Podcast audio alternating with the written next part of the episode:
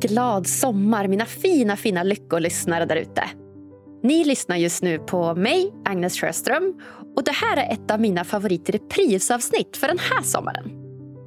Jag har valt ut mina personliga favoritavsnitt under åren som gått med syfte att låta både er och mig själv stanna upp en stund och lyssna på de fantastiska avsnitten som faktiskt redan finns inspelade i den här podden. Ja, kanske har du hört avsnittet förut, kanske inte. Men om du har det så är det faktiskt perfekt i så fall. För repetition, det är ju lärarens bästa vän. Men innan vi kickar igång avsnittet så vill jag först passa på att slå ett slag för den här fantastiska våren som varit. Jag har gått och blivit egenföretagare på heltid tack vare bästa inkubatorshubben Expression Umeå. Ja, jag hade inte kunnat göra det utan världens bästa affärscoach Oskar Riby och världens bästa säljcoach Christian Malmsten. Alltså vilka stjärnor. Big love till dem båda. Både i sina professioner, men också privat. Helt fantastiskt. Det har verkligen uppdagats vilket enormt behov det finns där ute av att sprida lycka och välmående till befolkningen. Och det är ju inte så konstigt med tanke på att över en miljon svenskar faktiskt går på antidepressiva idag. Det känns så fint att faktiskt få vara en del av att motverka det. Och Det har jag gjort genom att under våren bland annat hållit föreläsningar för gymnasieungdomar och givit dem mina bästa lyckotips för att skapa ett lyckligt liv. Det är ju inte alldeles lätt att växa upp som ung i Sverige idag. Jag har också anordnat lyckoluncher för anställda på både mindre och större bolag där jag dels bjuder på lunch som faktiskt gör dig lycklig samtidigt som jag på en biologisk nivå avslöjar vilka lyckohormon som aktiveras av vilken kost. Det har varit så efterfrågat och så himla kul. Jag börjar dessutom redan nu bli bokad inför hösten. Ja, vilken dröm det är! Nu till veckans avsnitt. Vill du lära dig att bryta mönster och programmera om dina sanningar? Ja, då har du kommit helt rätt. Idag ska du få äran att lyssna på kommunikationsgurun, TED-talk-experten och han som driver högklassiga wow-kurser i bland annat modern självledarskap och presentationsteknik, nämligen David J.P. Phillips. Han har under tio år, både nationellt och internationellt, undervisat, coachat och föreläst i hur biologi och neurologi påverkar vår kommunikation med oss själva och såklart med andra. Hur det i grund och botten är vår självkommunikation som är kärnan i hela vår lycka och den personen vi är idag. Ja, idag då pratar vi om hur du gör för att bryta mönster, hur du programmerar om dina sanningar och vilka som är de vanligaste kommunikationsmisstagen. Och självklart hur du hanterar dem. Och mycket, mycket mer. Ja, jag säger bara wow, David är helt fenomenal. Varsågoda!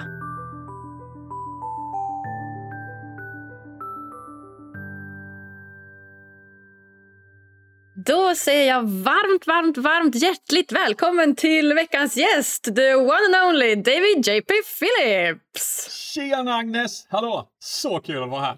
Ja men tjena David! Jag känner bara energin här igenom, den känns på topp alltså. ja, det är underbart. Jag, jag måste säga detsamma. Ja, vad härligt! Så himla kul att ha dig här. Du, du är faktiskt min femtionde gäst, David, här i podden. No way! Jeez, det är, det är bra. Snacka om att avancera. Ja, men det är inte dåligt. Det är inte dåligt. Vi har ju släppt ungefär 150 avsnitt totalt men jag har varit programledare i 50 så jag tänker att det är nästan värt att fira. Det är värt en applåd. Snyggt jobbat! Woo! Agnes! Yes! så härligt att få fira det med dig också. Det kommer bli ett riktigt kanonavsnitt det här. Jag är som sagt lite starstruck som jag sa här innan. Okej, okay, ja, vi får hoppas att du kan tänka klart ändå. Ja, jag ska försöka. Jag ska försöka. Tur jag har ett litet manus här som kan hålla mig till. Snyggt. Bra där. Jag ska vara snäll. Ja, vad härligt. Det ser jag fram emot. Men du, eh, David J.P. Phillips. Jag tänker som att du och jag, vi är ju ganska lika. Vi är ju båda väldigt eh, inne i just lycka. Vad lycka är, hur man gör för att bli lycklig, hur hjärnan fungerar och hela balletten. Ja, det, absolut, visst är det så. Det känns ju som, det måste ju vara den viktigaste saken man kan kunna i livet. Eller hur? Det måste ju vara top priority one. Oh yes. definitivt. Och det är inte bara det att man känner att det är det. Vi vet också vetenskapligen att det är det. Eller hur? Och Jag är så nyfiken. Kan inte du berätta, vad, vad, vad är lycka för dig? Lycka för mig är, ja, jag brukar skilja dem åt på så sätt att eh, njutning och behag, det är någonting som man kan få så starka toppar av i livet och så lika starka dalar. Det är någonting som är ganska ojämnt. Men en lycka, det är ganska nära välmående och liksom förnöjsamhet. Man är nöjd. Det är det här lite fåniga leendet som man går runt med om dagarna och så bara, varför ler jag?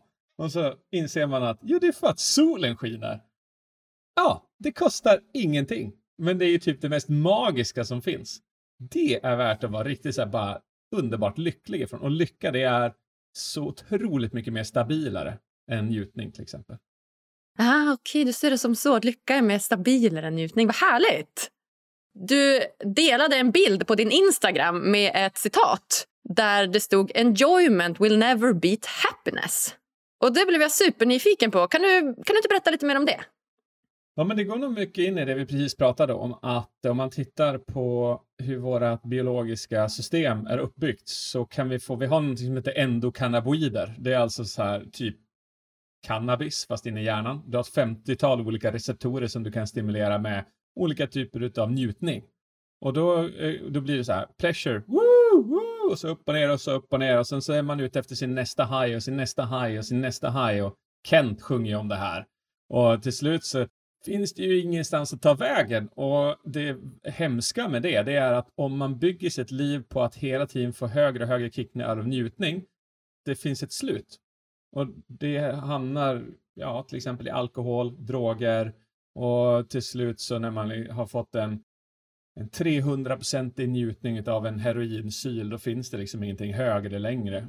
Då är allting annat så avmättat. Medan om man då jämför med det som du pratar om, glädje, eller happiness som det stod i det här citatet, så är det mycket mer stabilt. Det är förmågan egentligen att träna sina sinnen att njuta av det som finns runt omkring. För att våra sinnen är galna. Alltså det, på min wow-kurs så brukar jag visa människor så här, vad, vad, jag frågar dem så här, vad är, vad är lycka för dig? Och säger de så här, ja men du vet det är när jag åker på semester eller när, det, när, när familjen kommer eller ja det är när man bjuder vänner. Så här, Shit vad härligt säger jag. Men vad tror du om det här då? Så visar jag en video på en kvinna som har varit blind hela sitt liv. Och som plötsligt får se. Och så ser jag, visar en, en man som aldrig har sett färg, men som får se färg. Och så visar jag ett barn som aldrig har hört, men får höra. Och så de gråter hämningslöst när de upplever vad färg är. Och lycka är så jädra nära oss. Det finns hos oss hela tiden och bör inte vara beroende av andra människor, för då kan du inte uppleva lycka hela tiden. Wow. Ja, starkt alltså.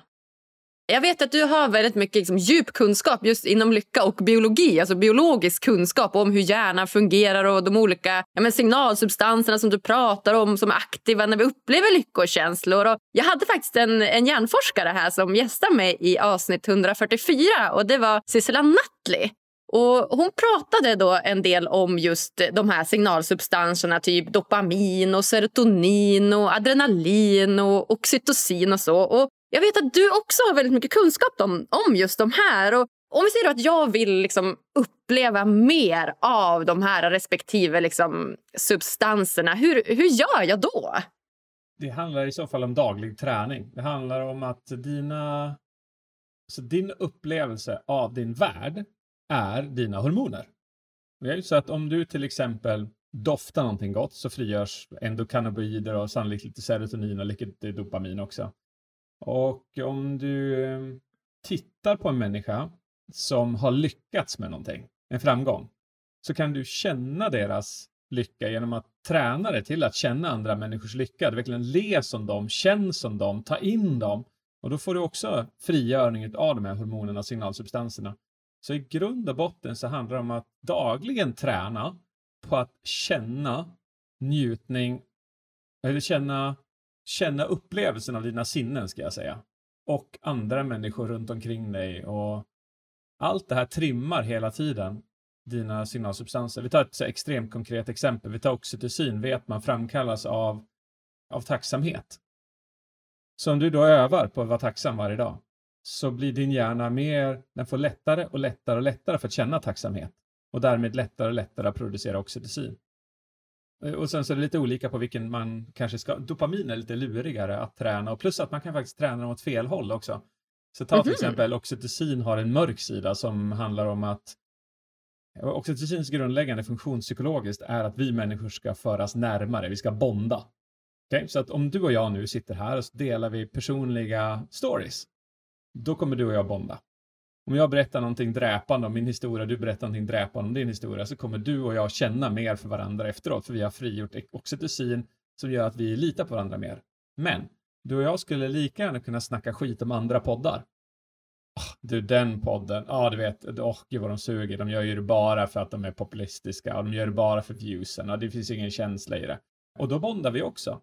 Så den ljusa sidan, den du och jag skulle kunna träna på, det är bara helt enkelt lyssna aktivt på varandra, ha god ögonkontakt, bjuda på personliga grejer och vara tacksamma för varandra. Det är det positiva sättet att träna oxytocin på. Och det negativa är då, som du förstår, motsatsen. Och om man då inte förstår att varje hormon och varje signalsubstans kan framkallas på ett mörkt sätt och ett ljust sätt, så tränar många människor på det mörka sättet. Det kan vara att de eh, Oxytocin så är det att man snackar skit om andra. Serotonin så kan det vara att man trycker ner andra. Dopamin kan det vara att man är beroende av TikTok och Instagram i allt för hög utsträckning till skillnad mot för sina e-, riktiga hobbys och sin familj. Eh, endorfin så kanske man har självskadebeteende istället för att man går på gymmet. Eh, det finns alltså en mörk sida på alla de här och en ljus sida på alla de här. Mm -hmm. ja, det är ju jättebra att veta. Då kan man i vart fall vara medveten om det och träna på det på ett bra sätt. För just det där som du säger, att bounda över saker som som är negativa. Det tycker jag ser, man ser ganska ofta. Du vet, att så här, Åh, jag är så trött idag. Eller du vet, Åh, det är så lång tid kvar. Eller du vet vad det nu kan vara. Så det, ja, det är verkligen bra att veta. Ja, visst är det. Men vet man inte det, då, då gör man det. För det, det är faktiskt lättare att eh, utvinna det mörka från varje hormon än att utvinna det ljusa. För det mörka måste du liksom, det behöver du knappt jobba för. Det är bara att öppna Aftonbladet Expressen det är egentligen bara att gå in på kontoret och snacka Trump och amerikanska valet. Du bara matas med skiten hela tiden. Vill du träna på de ljusa, då måste du faktiskt göra medvetna val varje dag för att du ska träna på de ljusa. Mm, mm. Hur gör du då? Vad, liksom, hur, hur kom du in på den här banan? Hur kom du in på liksom, att du ville lära dig mer om lycka och välmående? Det var absolut inte det som var meningen, men jag insåg för fem, sex år sedan att jag var deprimerad och har varit deprimerad sedan jag var 19. Mm. Och jag, jag gick verkligen runt med tanken och känslan av att alla, alla, borde inte alla, när man går och lägger sig på kvällen, be en bön och man slipper vakna. Allt är ju ändå meningslöst. Allt är ju så mörkt. Allt är så poänglöst. Och varje gång jag vaknade på morgonen och inte hade dött så var jag besviken. Eh, jag hade aldrig modet att ta livet av mig själv.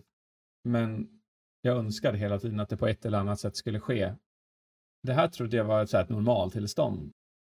Men för ungefär 5-6 år sedan så insåg jag att nej, alltså jag bröt ihop kan man väl säga. Jag låg, jag, vi är nu i min eh, kursgård här ute i Ramnes. Vi på källarvåningen, två våningar upp, eh, var mitt, eh, var vårt sommarrum då.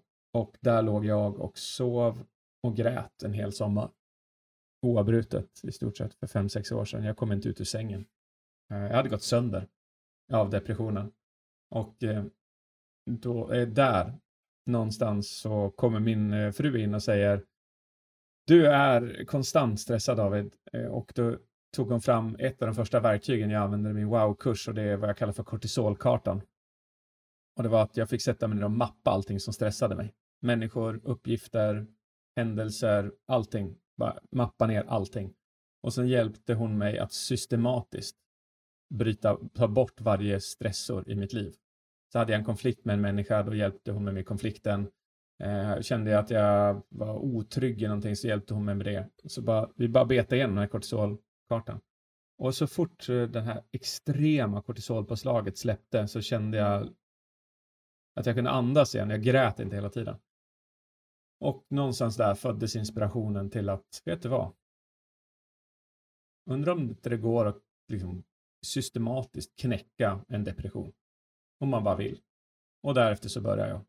Systematiskt tog jag fram och testade verktyg efter verktyg efter verktyg efter verktyg. Vissa funkar bättre än andra. Och så tog det ungefär 18 månader Tills att jag en dag upplevde någonting jag aldrig hade upplevt i hela mitt liv, som jag kan minnas. Och tårarna forsade den dagen. För det var den dagen som jag fick känna vad glädje var. Wow. Jag får tårar än alltså. Det är helt crazy. Ah. Wow, och vad var det som hände då? Vad var det som fick dig så där glad? Jag tror bara det var att jag systematiskt hade tränat mig gärna till att bli glad. För jag hade systematiskt tränat den att vara oglad förut. Jag hade matat mig själv med den mörka sidan. Ångest, oro, ängslan, umgåtts med fel människor, matat mig min hjärna med fel saker. Haft fel fokusfrågor, haft fel eh, sanningar, fel stories. Allt det här bara matade fel grejer i min hjärna. Så att ja, jag bara efter att ha tränat min hjärna till motsatsen. Jag kände att det blev bättre och bättre hela tiden. Men just den där dagen minns jag, för då slog det över. Och jag hade fler ljusa minuter än jag hade mörka den dagen. Och det var helt, helt, helt rubbat. Jag vet, ah, därifrån kom jag. Oh, wow, shit, jag blir alldeles, får alldeles gåshud här borta. Det är ju, vad härligt att du lyckades göra det. Och shout-out till din fru som också var med dig på resan. Alltså. Ja, oh, jeez alltså. Verkligen. Depression är ju verkligen en av de största folksjukdomarna idag. Det är ju så många som lider av det. Så jag tänker att om du kan tipsa om några av de här verktygen som du liksom systematiskt testade och, och berätta vilka funkar bättre för dig och vilka funkar mindre bra för dig. Sen är det såklart individuellt, men rent liksom generellt. Om man tittar på mild depression och kanske något under emellan. Men djup depression, då behöver man oftast en kombinationshjälp av kognitiv beteendeterapi, medikation och de här praktiska verktygen som jag ger. Men mellan och, och, och lätt, det kan man det kan man ta sig ut tack vare verktyg. Och det är aldrig fel att prata med någon heller, till exempel KBT. Men om jag skulle säga de tre viktigaste grejerna som bara rakt av vi vet fungerar, så är det nummer ett, så är det kost. Vi vet eh, de sista två åren så har det bara haglat in forskningsrapporter på att din bakteriekultur i magen står i direkt korrelation med ditt psykiska välmående. Det har gjorts en del människostudier, men de bästa studierna är gjorda på möss, eh, där man ser att byter du ut tarmfloran i, från en mus till en annan så får de en hel personlighetsförändring fullständigt. Där de kan gå från liksom depri deprimerad till eh, ej deprimerad. Oh shit. Och Det där tycker jag är så konstigt. För att Om man går i matbutiker så är det, som, det är svårt att hitta kost som är rent. Alltså som är liksom 100 procent nyttigt. Ja. ja. det är så svårt. Ja, det är helt, helt supermärkligt. Det är som att världen vill förgifta oss. Men eh, ja, det, det där är typ en helt annan podd. Hur mycket jag ogillar hur kapitalismen har byggt upp det här runt oss. Usch, blä. Men eh, eh, i grund och botten så skulle jag säga att eh, döda candida bakterien i magen genom att svälta den. Den, den livnär sig på socker och snabba kolhydrater. Om det är så att din hälsa tillåter det, gå på ketogen kost i två, tre, fyra veckor så kommer du döda din candida-bakterie och ditt sug efter snabba kolhydrater och socker kommer att totalt dö bort. Vilket gör att du plötsligt nu attraheras till sund kost. Oh, gud vad spännande! Och ketogenkost, vad innebär det då? Det innebär att du käkar mindre än 50 gram kolhydrater per dag. Och de kolhydraterna kommer från allting som växer ovan jord, inte under jord. Pasta, bröd, ris, sånt där ska du inte äta då. Det är väldigt mättande och det är ehm, Alltså jag älskar att gå i ketogenkost. Jag känner mig extremt energifylld. Men oavsett om du inte tycker det när du har testat det, så ge det bara fyra veckor så kommer du att, inte förinta, men du kommer ta bort jättemycket av den här candida behovet av att äta. För när man är deppad och, och ledsen så vill man gärna kompensera det med snabba dopaminpåslag från socker. Och då mår man bara ännu sämre dagen efter och så ännu sämre och ännu sämre. Äter du kött? Det gör jag inte jättemycket. Jag är väl egentligen i grunden eh, pescatarian. Ja, samma. Ja, vi har, eh, jag tror att det är ungefär 5000 bakteriefamiljer i magen i grunden, men västerländska människor har ungefär 700 kvar för att de äter så ensidig kost. Så att jag försöker fortfarande äta kött ibland för att underhålla den, de bakterierna som vi får från kött, för de är inte dåliga. Eh, så att jag äter kanske kött typ en gång i månaden bara för att underhålla den bakteriekulturen. Men annars kör jag pesco. Du frågar mig om det fanns någonting mer. Kost nummer ett, träning nummer två. Man skulle kunna prata två timmar om alla studier som kommer fram hur träning påverkar vår psykiska hälsa. Och eh, nummer tre skulle jag säga meditation. Meditera tio minuter per dag, varje dag. Träna, börja lugnt. Om du upplever att du har väldigt mycket stress så ska du inte träna hårt, då blir det faktiskt tvärtom. Så om du har mycket kortisol i blodet, stress, och du går på gymmet och lyfter vikter så kommer du bara få ännu mer. Det är alltså ett kontraproduktivt.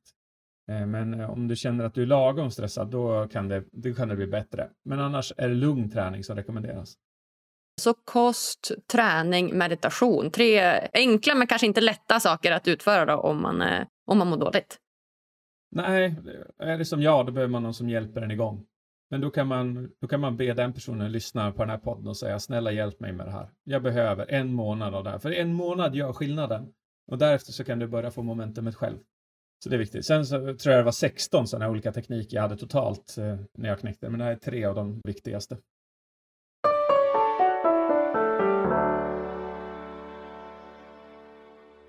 Vill du stärka din självkänsla, sova gott och må bättre? Då borde du testa vägledd självhypnos. Det enda du behöver göra är att lyssna, slappna av och följa instruktionerna. Gå in på hypnotication.com och hitta dina favoriter idag. Ange koden LYCKA för 15% rabatt på hela köpet.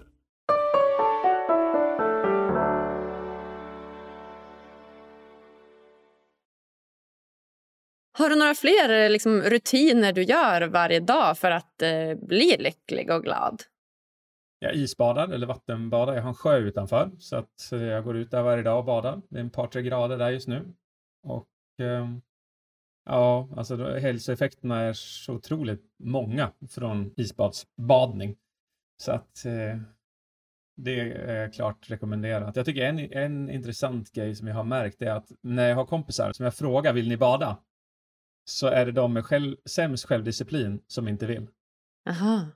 Det jag sen har jag då listat ut är så här att för, jag tycker, inte, jag tycker inte om att börja bada. Det är ju för, det är helt hål i huvudet att bada kallt. Två, tre grader. Det är helt, man är helt slut om man gör det. Men ja. tack vare att jag har lärt mig en teknik som heter brytmönster. Och det är att inte tillåta mig själv att tänka negativa tankar. Så tänker jag så fort min hjärna börjar tänka så här. Äh, ska du bada? Är du dum i huvudet?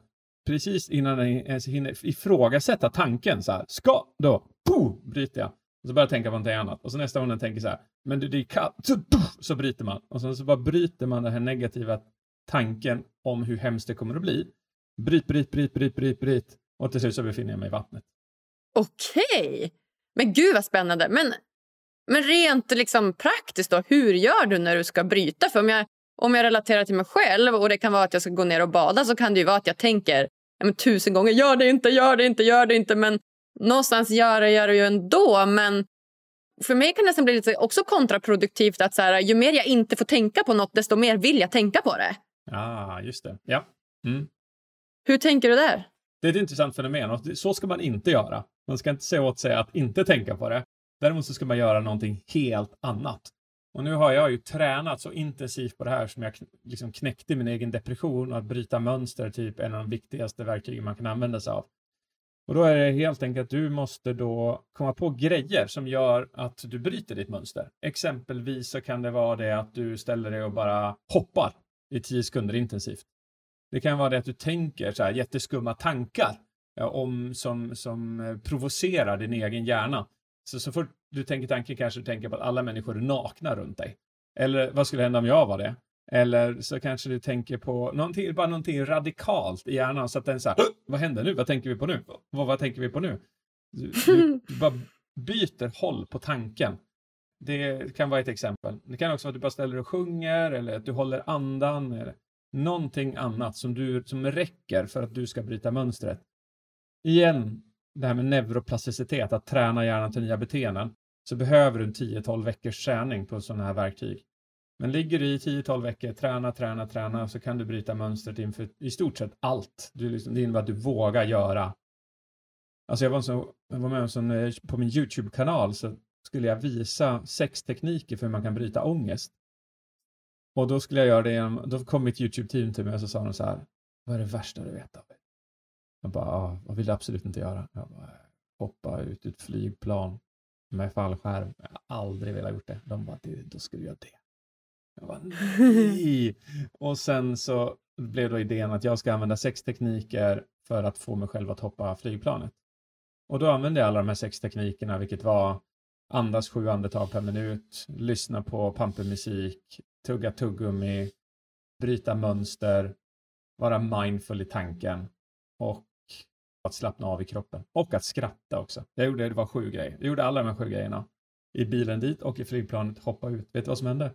Nej. Jag kände ingenting. Mhm. Och det var så sjukt skumt va? Jag kände varken rädsla eller förväntan eller upphetsning eller exaltering och jag bara, vad hände nu? Men då inser jag ju att det, vi, det, det som många människor missförstår det är det här med anxiousness reappraisal och det är att ångest och upphetsning är samma biologiska tillstånd. Mhm. Det vill säga när du liksom är upphetsad över att någonting kommer hända så får du högre puls, mer adrenalin, mer noradrenalin, mera kortisol. Det blir liksom, dina pupiller dialerar, allting händer. Men det är exakt samma symptom eller tillstånd som händer när du är stressad eller nervös eller får ångest. Så jag lyckas ta bort min ångest från att hoppa ut, men då uppstod heller inte upphetsning eller exaltering, för det är samma typ av emotionella tillstånd. Det var helt fascinerande. Oh, shit, vad sjukt. Så att, så att då hela vägen från sig att du skulle resa till då det här stället där du skulle hoppa in i flygplanet till att du åkte upp i luften till att du hoppade ut. Det var liksom en, ett tillstånd där du inte kände någonting då på grund av att du hade de här sju olika verktygen. Mm. Ja, och framförallt när jag hoppade ut i planet, då trodde jag verkligen jag skulle känna någonting. Ja, det var lite kanske, jag ska säga att det är, fel om jag sätter noll, men på en 10-gradig skala så kanske det var en tvåa. Så det var ungefär lika upphetsande som att köra barnen till skolan på morgonen. Det, liksom, det, det, det var jättekonstigt. Men det, just det där verktyget är häftigt, anxiousness reappraisal, för det har gjorts så många studier på det, vilket går ut på att om du ska hålla en föreläsning eller du ska göra någonting och så säger du så här till dig själv, gud vad jag är nervös, gud vad det här är hemskt, gud vad det här är jobbigt, gud vad det här är jobbigt, gud vad det är hemskt, gud vad jag får ångest. Versus att du bara byter de tre orden till, gud vad jag är upphetsad, gud vad det här är spännande, och vad jag är exalterad. Bara byter det. Så det visar sig i studier att du får bättre matematikresultat på provet som du ska göra, får bättre presentationsresultat. I en studie de gjorde exakt det här så mötte de kvaliteten på sången ur ett, liksom ett digitalt perspektiv och då såg man att åtta, eller om det var ännu fler egenskaper i rösten, blev bättre genom enbart att du bytte jag får ångest till jag är exalterad. Bara de tre orden gjorde en så stor skillnad. Ja. Ja, shit vad spännande. Ja, jag blir Mm. glad av att höra det. Ja, vi hade ju en, en annan gäst här också eh, tidigare som heter Bob Hansson. Han är poet. Och, eh, han hade också läst någon, någon liknande studie om det här eh, framgång kopplat till lycka. Och att, och att det är faktiskt så att lycka föder framgång och inte tvärtom. Och då hade de gjort studier på eh, läkare som de hade försökt eh, locka fram de här lyckokänslorna genom att ge en liten karamell. Som de, de fick inte äta den, för man fick inte, de skulle inte mäta liksom, sockernivån utan de fick bara liksom, få den. Liksom lyckan av att få en karamell. Och de hade då också gett typ så här, 19 procent hade gett du vet, bättre diagnos än vad de hade gjort eh, annars. Typ. Det var så coolt. Ja, jag har också läst den studien. Ja, det är svinhäftigt alltså. Men det är så intressant att jag tror många som lyssnar, kanske inte, det är nog färre som lyssnar den här podden än andra poddar, men som ändå lyssnar på den här podden tänker, gud vad jag liksom är lycklig eller vad jag mår bra. Men ändå så är det en så stor del av deras prioritet att tjäna pengar och bli framgångsrik. Och att visa den framgången genom att köpa saker och göra saker. Och även fast man inte vill erkänna det så är det en extremt hög prioritet hos människan. Vilket totalt emotsäger vad vi vet vetenskapligt. Och det är att framgång föder inte lycka. Lycka föder framgång. Det är när man ler som du gör just nu, Agnes. Det är man, när man liksom med, med ögonen och med munnen och med hela ansiktet. Det föder framgång. För just bara i det här exemplet så får du mig att bli glad. Vilket gör att jag gör en bättre prestation. Vilket gör att din podd lyssnas på mer och du får fler lyssningar. Vilket leder till och så vidare och så vidare. Och det där är exakt, exakt samma ekvation rakt genom hela livet. Ja, men verkligen. Det var, du har så sant. Jag blir så glad. För jag har ju ganska tydliga eh, morgonrutiner som jag gör och jag har verkligen skiftat liksom, mindset från att gå från liksom, prestationsduktig flicka-personen eh, till att fokusera lite mer på ja, men, lekfullhet, njutning. Jag prioriterar min tid på ett annat sätt. Jag säger att tid tycker jag är det dyrbaraste vi har, liksom upplevelser och sånt. Mm. Hur, hur ser du på det? Har du någon morgonrutin som du använder dig av? Inte sådär jättespecifikt. Det kan man tycka låter lite konstigt. För det verkar ju vara det alla gör. som strävar ja, efter verkligen. Det är populärt. Ja. men, eh, men nej, alltså min morgonrutin varje fall fyra gånger i veckan ser exakt ut så här att jag vaknar till. Jag väljer att tänka tacksamhetstankar. Kanske tre stycken. Någonting i den stilen. Så så fort jag bara vaknar till så börjar jag tänka på vad jag var tacksam för igår. Sen går jag upp. Jag kör barnen till skolan. Jag har gått på gymmet. Jag kör ett isbad och eh, sen går jag in och snackar med dem som är på, på herrgården och sen så går jag ner och jobbar. Det är en ganska begränsad rutin, men eh, det ger mig en jätte, jätteskön och bra start på dagen. Ja, vad härligt. Ja, det låter ju, låter ju magiskt. Det där med isbad, alltså, det hade jag också velat ta efter. Det är helt uh, fantastiskt. Vi har haft några som har gjort det här. Jag är uppe i Umeå i Norrland och vi har haft mm. några, haft några vänner som har, som har gjort det här varje dag klockan 12. Och jag tror att jag har varit med typ så en gång av hela, hela december månad eller något. Så jag ska skruva upp den, det antalet och ta lite med isbad här. Jag blir inspirerad. ja, gör, gör det absolut. Om inte annat, liksom, och det gäller ju att hitta ett varför. Så det är bara att repetera i huvudet varför du gör det. Och det är ju så här, ja, du kan öka självdisciplinen, du bränner fett, du äh, sänker depressionen, du sänker ångest, du ökar glädje, du önskar lycka, du bryter mönster, du blir helt hög på endorfiner och noradrenalin. Det är bara så här, det är superhärliga grejer. Ja, bra för immunförsvaret.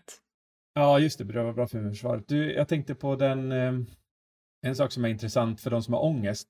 Så Wim Hof eh, finns det ju en man som, han är ju typ känd som Iceman, känner du till honom? Ja, exakt, exakt, klassisk. Eh, och han kallar sig för, så här, för ångestträning när man går, åker till han och badar. Och då kan man fråga sig varför han gör det. Och då, när man får ångest så tenderar kroppen att andas jätte, jättesnabbt. Så här, hyperventilera. Och det, man, det gör den också när man hoppar ner i isbad. För då går den ner i samma typ av tillstånd. Så om man har ångest, hoppar ner i isbad, så kan man känna samma känsla. Alltså man tror man får ångest att hoppa ner i vattnet. Men igen så är känslor, har de med tolkning att göra, som vi pratade om tidigare. Så då, det som är häftigt med isbad, varför Wim Hof kallar det för det, det är för att när du hoppar ner i badet, så du fixar inte mer än fem sekunder om du inte andas rätt. Du kör. Du måste andas sju andetag per minut, lugnt, snyggt när du är där nere.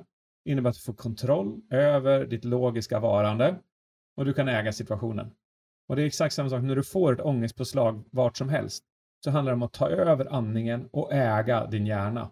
Och det kan man då träna genom eh, isbads, isbad, precis som Wim Hof då rekommenderar. Men det kan man göra i Umeå och här och lite var som helst så länge det är kallt.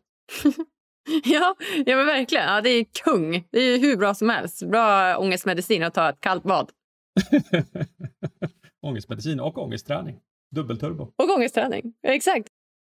Du, eh, jag tänker att vi kan inte lämna dig utan att prata lite grann om kommunikation. Du är ju en riktig kommunikationsguru du har ju flertalet olika världspopulära TED-talks.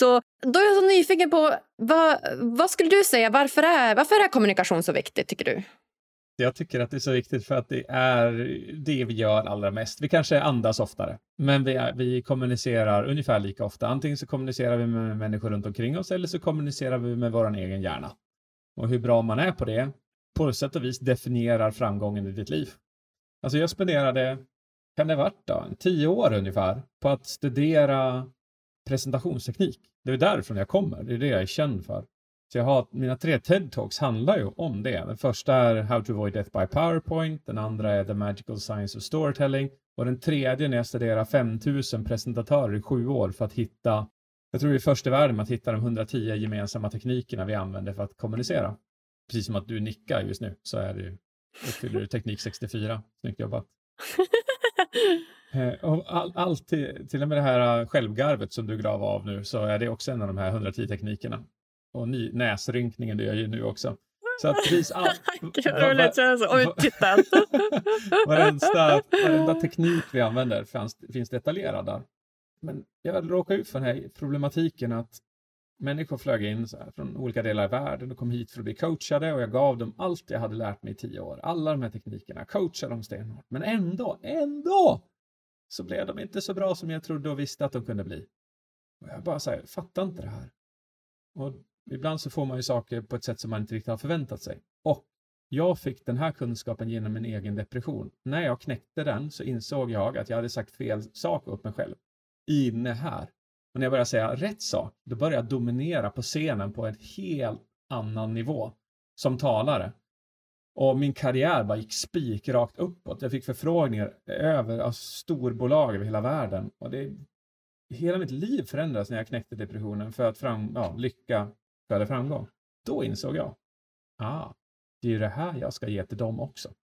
Jag ska ge dem rätt fokusfrågor. Jag ska bryta ner deras sanningar så att de blir rätt. Jag ska se till så att de kan bryta mönster. Jag ska kunna, de ska kunna anxiety reappraisal när de går upp på scenen så de byter till jag är stressad till jag är upphetsad. Jag ska ge dem alla de här teknikerna. Och det gjorde jag. Och deras liv levlade på alla fronter. Alltså grejen är det, jag vet inte om du, är, är du gift eller? Ja, pojkvän. Och det är ju så här, er relation bygger ju fullständigt på att ni kan kommunicera. Att han kan läsa dig icke-verbalt och att han kan förstå vad du säger verbalt. Och att han kan uttrycka sin önskan, du kan uttrycka din önskan. Eh, kan ni inte det, då kommer ni bråka. Och bråkar ni så kommer det skapa stress. Och det kommer att till slut kunna leda till att ni mår svindåligt, kanske blir deprimerade, går upp i vikt och så vidare. Får man mycket kortisol så vet man att det hänger ihop med bukfetma till exempel. Så att då kan man säga så här, ja, och så till slut så bara rinner förhållandet ut i sanden och så var det det. Så kommunikation, det är ju hela livet. Det är ju allt. Ja, men det är ju det. Men varför är det så svårt? Alltså, du vet, det är ju missförstånd liksom, hela tiden, tycker jag. Det går ju inte en dag utan att bli så här, Åh, vad menar du nu? Och vad menar du? Och hur menar du då? Alltså, ja. det, är så, och liksom, det är så mycket som ingår i kommunikation. Det är ju, som du säger, det är verbalt, det är icke-verbalt, det är kroppsspråk, det är hur vi ser på varandra, blickar. Alltså, var, varför är det så svårt? Svara det här då. Svara mig följande. När du gick i skolan så gick det nio år plus gymnasiet kanske, tolv år minst i alla fall. Hur många, hur många lektioner hade du i kommunikation? Ja, jag använder kommunikation mycket, men lektioner i kommunikation noll. Noll. Hör ni vad hon säger? Tolv år gick vi och lärde oss saker, men inte det som är det absolut viktigaste för att förmedla de sakerna. Och sen så undrar folk så här, men varför är det så svårt att kommunicera? Nej, det är inte svårt. Vi fick aldrig förutsättningen att göra det bara. Det är ingen som lärde sig kroppsspråk. Det fick ingen som lärde sig ansiktsuttryck. Det var ingen som lärde sig hur viktigt det är med betoningar. Det var ingen som fick lära sig att, om vi tar så här typexempel. När du tittar på mig nu, mm, så har du huvudet lite vinklat till höger. Du nickar instämmande. Du skrattar instämmande. Och så gör du så här instämmande kommentarer. Det innebär att du är på steg fyra och steg fem av vad som kallas för lyssningsstegen. Och det innebär att jag vill prata med dig mer. Right? Men hur lärde du dig de här fem? Du måste ju ha plockat upp det här från andra som har betett sig likadant och så dina spegelneuroner har lärt dig att så här ska jag göra för då får jag en bra respons i en podd. Mm. Men för den som inte har lärt sig, så vet vad den kan göra? Då kan den bara sitta och stirra på dig istället. Och hur, hur obekväm är du med mig då? ja, jag blir obekväm direkt. Även fast vi är genom skärmen så blir det fortfarande ja. obekvämt. ja, och så, så lägger jag huvudet på sned. Så ökar känslan att du vill dela någonting och så börjar jag nicka och så ler jag samtidigt. Och så skrattar jag och så ökar chansen att du vill dela med dig. Okej, det tar fem minuter att lära sig det där. Det tar 20 minuter att träna på det. Varför kan man inte kasta in en lektion på det? Jag skulle kunna hitta hundra sådana här lektioner som man skulle kasta in i skolan och man skulle kunna göra hela samhället och världen bättre. Mm, sant. sant. Ja, det är väl typ det som är så här, också en, en av summorna, kardemummorna av alla de här poddarna jag har spelat in. Det är ju att mycket som vi pratar om behöver in i skolan, liksom in i skolplanen tidigt för att man får lära sig liksom, ta ansvar för sin kommunikation, för sin lycka, för sitt välmående. Ja, oh ja, absolut. Eh, jag kommer köra en kampanj nästa år. Jag har pratat nu ett par år om att eh, min vision är att ge gratis kommunikationsutbildning till alla världens barn. Och nästa år ska jag påbörja den kampanjen. Eh, och inte helt hundra på hur det kommer gå till än. Men jag kommer göra en ganska stor satsning i Sverige för ungdomar. Så jag, kom, jag hör gärna av mig till dig igen så kan vi tillsammans på bred front få ut det här i skolor. Ja, lätt. lätt. Alltså jag står bakom dig alla dagar i veckan. Vad jag kan hjälpa till med. Så det är, ju, ja, det är klart vi ska göra det. Mm. Jag återkommer, jag lovar. Ja, men gör det. Gör det. Mm. Men du, kan du inte berätta, vilka är de vanligaste kommunikationsmisstagen vi gör idag och hur kan vi förhindra att göra de här? Ah, du tänker eh, människor emellan, eller? Ja, mellan människor. Ja, mm. främst. Människor emellan. Hmm. Wow. När man ska hitta så här, vad är det viktigaste? Då går man gärna igenom så här, inte det, inte det, inte det, det kanske, nej det, det, nej inte det, inte det, det, ja. det kanske, ja det, nej inte det, det, det, ja det, nu har jag det. Och, och kanske så här, i grunden så skulle jag nog han, säga att det handlar om att vi inte kommunicerar rätt med oss själva. Jag skulle säga att det börjar där om du har en hög självkänsla, hög självkärlek, högt självförtroende i dig själv så kommer du att möta människor på ett annat sätt. Med en annan glädje, med en annan frikostighet, med en annan uppriktighet, med en annan öppenhet. För tänk en person som är girig, en person som är rädd, en person som eh, har dålig självkänsla. Den här personen kommer att hålla saker till sig själv, inte berätta saker, den kommer kanske trycka ner andra för att må bättre i sin egen självkänsla. Den kommer att blänga på de som har mer självförtroende. Och allt det här skapar en sån fruktansvärd osämja från den här personen. Så det grund och botten skulle jag säga att lära sig kommunicera med sig själv, att må bra i sig själv, så kommer det att höras, synas och kännas hos människor runt omkring dig. Vilket gör att antingen så attraheras människor till dig eller så flyr människor ifrån dig eh, och vill inte vara i din närhet. Det här självledarskap som jag pratar om. Vi körde, vi körde en wow-kurs här på Herrgården, inte nu i covid då, men eh, innan. Den var konstant fullbokad och handlar just om det här, eh, de här 16 verktygen och hur man bygger upp sitt eget självledarskap här inne. Och, eh, jag skulle säga att det är den viktigaste kunskapen man kan ha i livet. Så att oavsett om du kommer på wow-kursen eller någonting annat, så bara snälla bara läs om det här. Ditt liv förändras. Ja, så himla spännande. Ja, jag är nyfiken på den där wow-kursen. Alltså bara, ja, men jag var inne och researchade lite på dig här innan och kikade på lite bilder som dök upp. Och Det ser ju så himla fridfullt ut där ute. Det ser helt magiskt ut. Ja, ja, det är jättehärligt. Fantastiskt underbart. Jag får se hur många år till jag kommer att köra den. Men ett antal år till kommer jag köra den i Sverige i varje fall. Vi, vi, har, vi, vi expanderar så mycket utåt världen. Sverige är så litet, det är bara 9 miljoner, 10 miljoner invånare. Jag har en plattform som heter jpuniversity.com där wow-kursen finns också online. Och varenda vecka så når den tusentals människor över hela världen. Och det är fler som signar upp helt, det är så helt absurt att få mejl från Australien, Kenya, Tanzania, Texas, Island, Grönland varje vecka och strömmar in mejl från olika delar av världen och säger bara nu fattar jag det här med, eh, med fokusfrågan. Nu fattar jag det här med mina sanningar. Nu fattar jag det här med eh, kallbad. Så att jag vill nå så många fler än 10 miljoner. Jag vill att alla, ska, alla barn ska få chansen att lära sig det här. Ja, just det. Ja, du håller inte inom Sveriges gränser, du kör worldwide. Det har varit planen sedan start för tio år sedan. Det har varit svintufft. Det hade varit så mycket lättare att lyckas i Sverige, men eh, det, finns många, många fler behövande. Herregud, vi har ju 99 procent av vår befolkning har det för bra. Det är vårt problem. Ja, eller hur? Mm. Ja, men så himla spännande. Jag måste bara fråga. Du, du pratar mycket om det här med mina sanningar. Vad är det för något? Att uh, hitta sina sanningar. Utveckla. Ja, just det. Det har jag gjort, ja. Ja, men det är väl perspektivet är så här att ingenting i livet är verkligt. Det är bara en eh, uppfattning av det som har är. Så säg att en skäggig man, jag är skäggig, du tittar på mig. Säg att eh, du skulle ha mött fem män som är skäggiga i ditt liv. Säg att din morfar och din pappa och din farbror och någonting sånt där. Och alla har varit helt jävla episka människor. Då kommer du ha byggt en sanning om att skäggiga män är episka. För det är liksom din referensram. Och människor utan skägg är inte lika episka. Du skulle alltså söka din pojkvän, skulle vara skäggig och så vidare. och samma sak är det tvärtom. Så alla upplevelser vi har i vårt liv skapar sanningar framåt för att på något sätt underlätta för vår hjärna. För skulle den inte skapa sanningar på det här sättet så skulle den, det skulle vara som att trampa i sirap. Det är lite som när vi tar körkort så går det ganska långsamt att köra, alltså att växla och koppla och gasa och så. Det är rätt mycket att pyssla med. Men efter ett tag så blir det automatiskt. Det är precis så dina känslor fungerar också. I början så här, vad är det att vara motiverad? Det är så här jätteklurigt. Och så efter ett tag så kan man lista ut och så blir man bättre på det. Så en sanning jag hade var att jag var ful till exempel. Och den, den knäckte jag när jag var 37. Mm -hmm. Och eh, det listade jag ut att den sanningen skapades när jag var typ 13, 14, 15.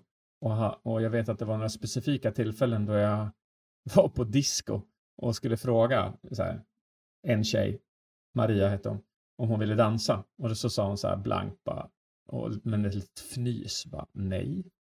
Och sen så var det en till tjej som sa likadant och en till tjej som sa likadant. Och så då byll, min hjärna är till för att skydda och få mig att överleva. Så då sa min hjärna så här, David, nu bör du ha lärt dig att tjejer leder till smärta.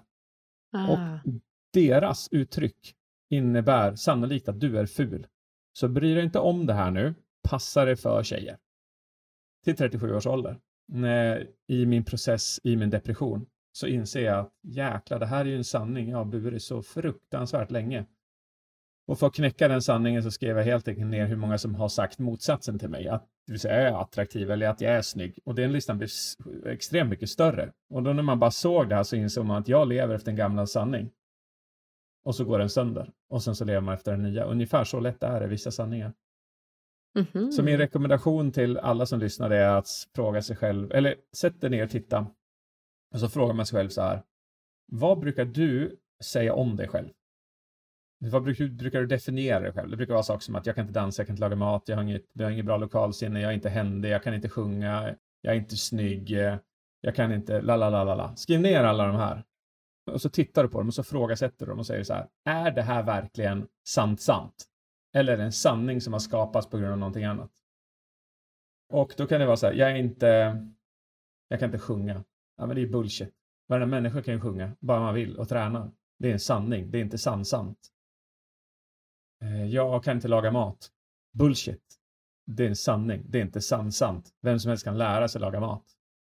Och så bara går du igenom de här och så bara bryter du sönder en efter var, varenda en utav dessa och lev inte efter falska sanningar. Du mår inte bra utav dem. Så vissa människor kan leva efter att jag kan inte vara lycklig till exempel. Förstår du hur jävla skadlig den sanningen är? Jag förtjänar inte vara lycklig. Jag förtjänar inte en partner. Ja? Det är sanningar som har byggts på någonting annat. Klart du mår piss, du odlar i kortisol varenda dag. Mm.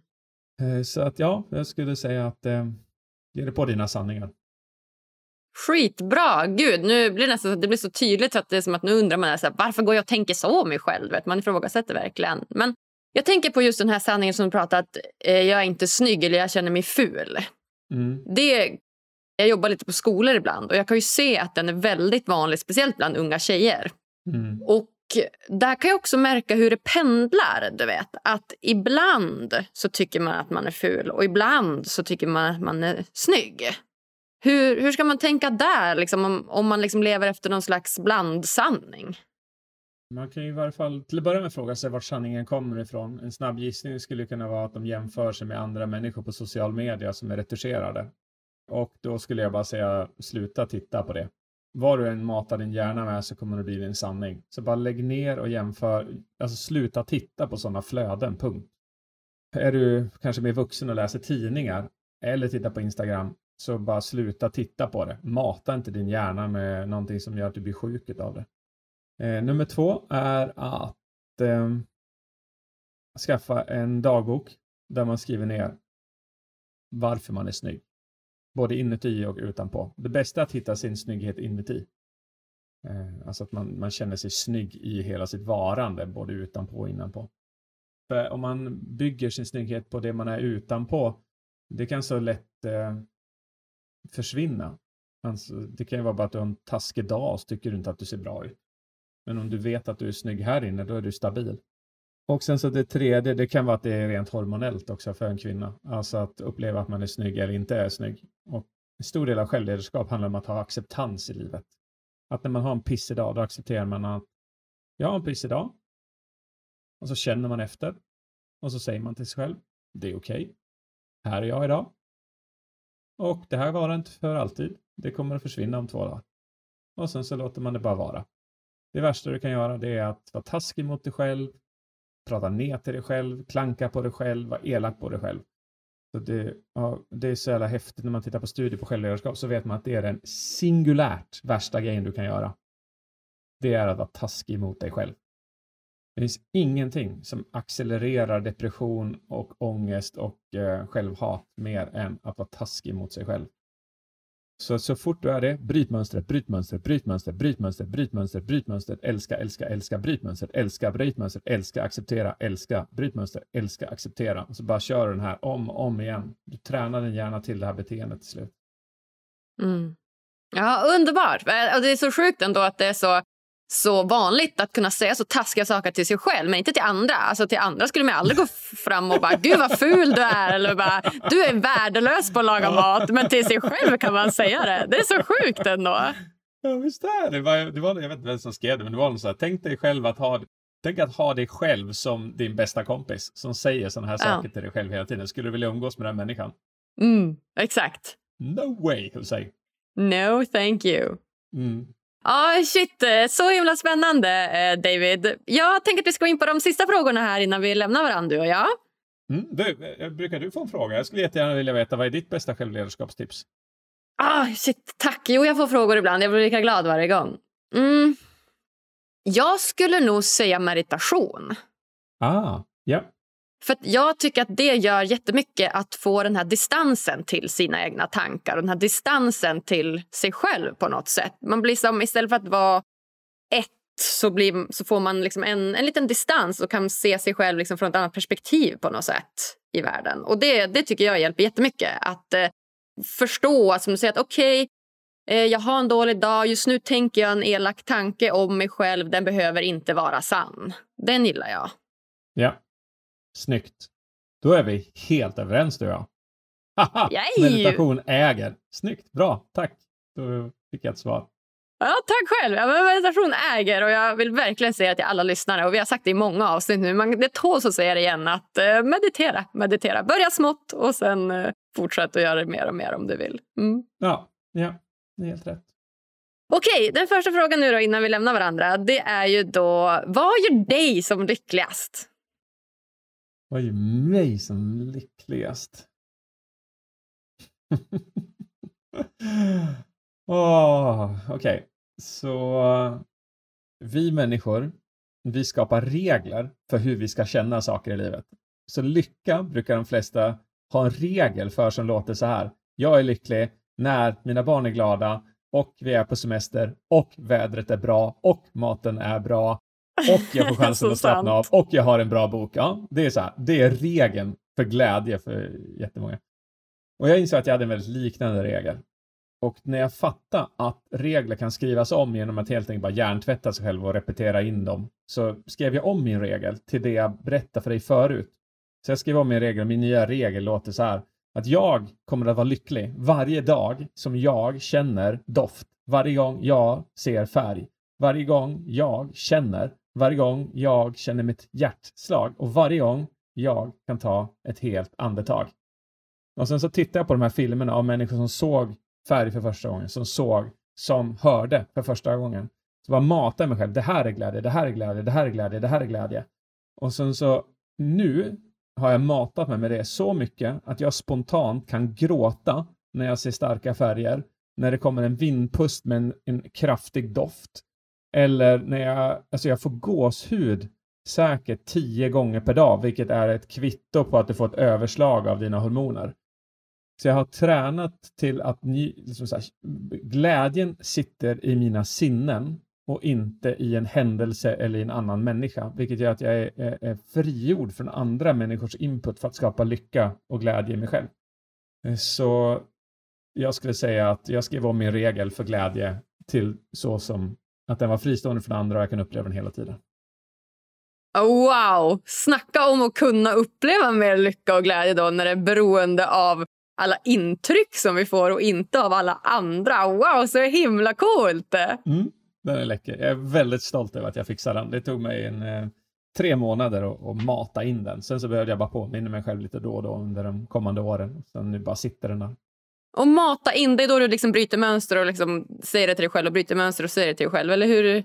Hur har du gjort det? I just den regeln så valde jag att i tre månader bara påminna mig om den hela tiden. Alltså så ofta jag kunde hela dagarna. Så, här. så fort jag kände en doft, eller så fort jag åt, så kände jag, stack jag liksom ner näsan och doftade på pris alla ingredienser. Så fort jag såg färg så bara stannade jag bara njöt av färgerna. Och eh, så fort jag kände mitt hjärtslag när jag tränade så kände jag verkligen efter. Så jag var så här uppskattade och var tacksam för alla de här sakerna. Jag var otroligt medveten i den processen i tre månader. Och sen så sa jag det här till mig själv, den här regeln som jag sa till dig. Att jag, David, känner att jag är lycklig varje gång jag känner doft, varje gång jag ser färg. Så tänkte jag på de här videofilmerna. Det var ungefär processen. Men alltså det är intressant. Jag vill bara säga en sak så här att det kan låta konstigt att man kan göra så här med sin hjärna.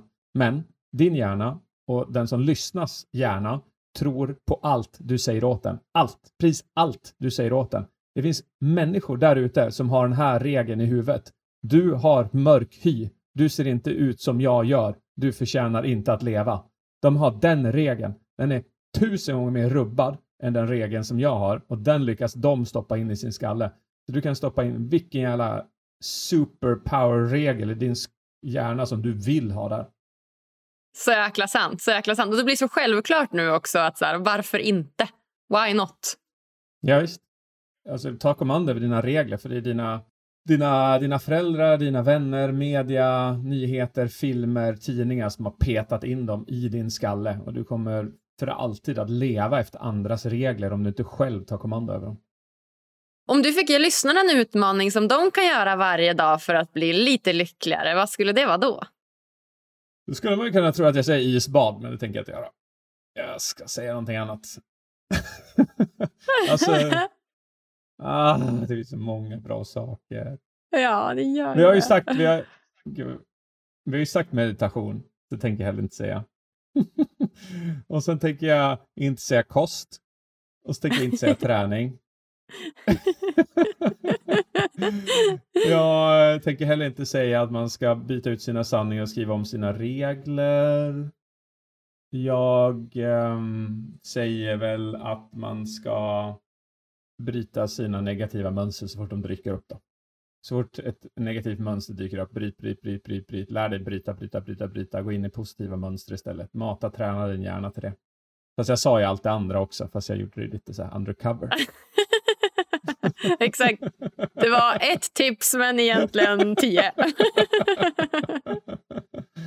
ja, så himla, så himla härligt, David. Är det nåt som du känner så här, slutligen som du vill dela med dig av till lyssnarna som du inte har fått sagt i den här bästa podden? Jösses. Alltså, jag kan bara säga så här att eh, oavsett vart du kommer ifrån så finns det en helt magisk värld att njuta av genom din upplevelse av den världen. Jag kom från över ett decennium av självhat och självförakt eh, och, och självmordsidéer till den jag är nu, som nu tänker tillbaks på den jag var och, och, och bryter nästan ihop av ren och skär uppskattning, tacksamhet och glädje över att tänka på kontrasten över hur det var och hur det kan vara. Och ehm, eh, jag säger bara självledarskap. Snälla, ge dig själv chansen. Alltså, du behöver inte gå en enda dag till från den här dagen och resten av ditt liv. Träna på motsatsen till det som du annars kanske matar dig själv med. Mm. Mm. Magiskt, magiskt, magiskt David. Och umgås! umgås med sådana som dig. Gud, jag är superglad. En timme och en kvart in så här, så jag bara lätt euforisk, Agnes. Ja, men vad härligt. Alltså, jag håller helt med dig. Alltså, den här Lyckopodden är en riktig dopaminkick och serotoninkick och oxytocinkick. Jag bara älskar den och få prata med er fantastiska gäster. Det är helt fantastiskt. Ja, vad härligt. Ja, nej, om man vill komma i kontakt med dig, hur gör man då? Eh, ja, jag hänger på LinkedIn och jag hänger på Instagram. Så det är bara frienda mig där och followa mig så, så kan vi hooka där så kan ni få så dagliga sköna injektioner. Sen har jag en YouTube-kanal. Där postar jag grymt mycket om kommunikation. ruskigt bra pris den här podden. Bara mata med praktiska tips hela tiden. Så gå in och njut där. Ja. Och vill man lära sig grotta ner sig och man inte kan komma på kurs nu till mig så kan man titta på jpuniversity.com där jag har mina kurser online. Ja, helt underbart. Ja, jag säger bara tack, tack, tack snälla David för att du kom och gästa oss här på Lyckopodden. Tack, tack, tack, tack, tack snälla Agnes för att jag fick komma. Hej då! Ah, wow, wow, wow. Snacka om högklassigt poddavsnitt. Ja, jag var så starstruck från början, men gud vad han är gullig David. Det, det kändes jättebra idag. Så inspirerande timme. Dags att börja säga snälla saker till sig själv. Dags att börja bryta gamla elaka mönster. Och dags att börja vara sin alldeles egna bästa vän. Tycker ni det här var lika bra som jag? Gå gärna in på iTunes eller Podcaster och ge oss så många stjärnor som du tycker det här avsnittet förtjänar. Du hittas också på alla sociala medier under namnet Lyckopodden. Och du, tack för att just du lyssnar. Vi hörs på tisdag igen. Puss och kram!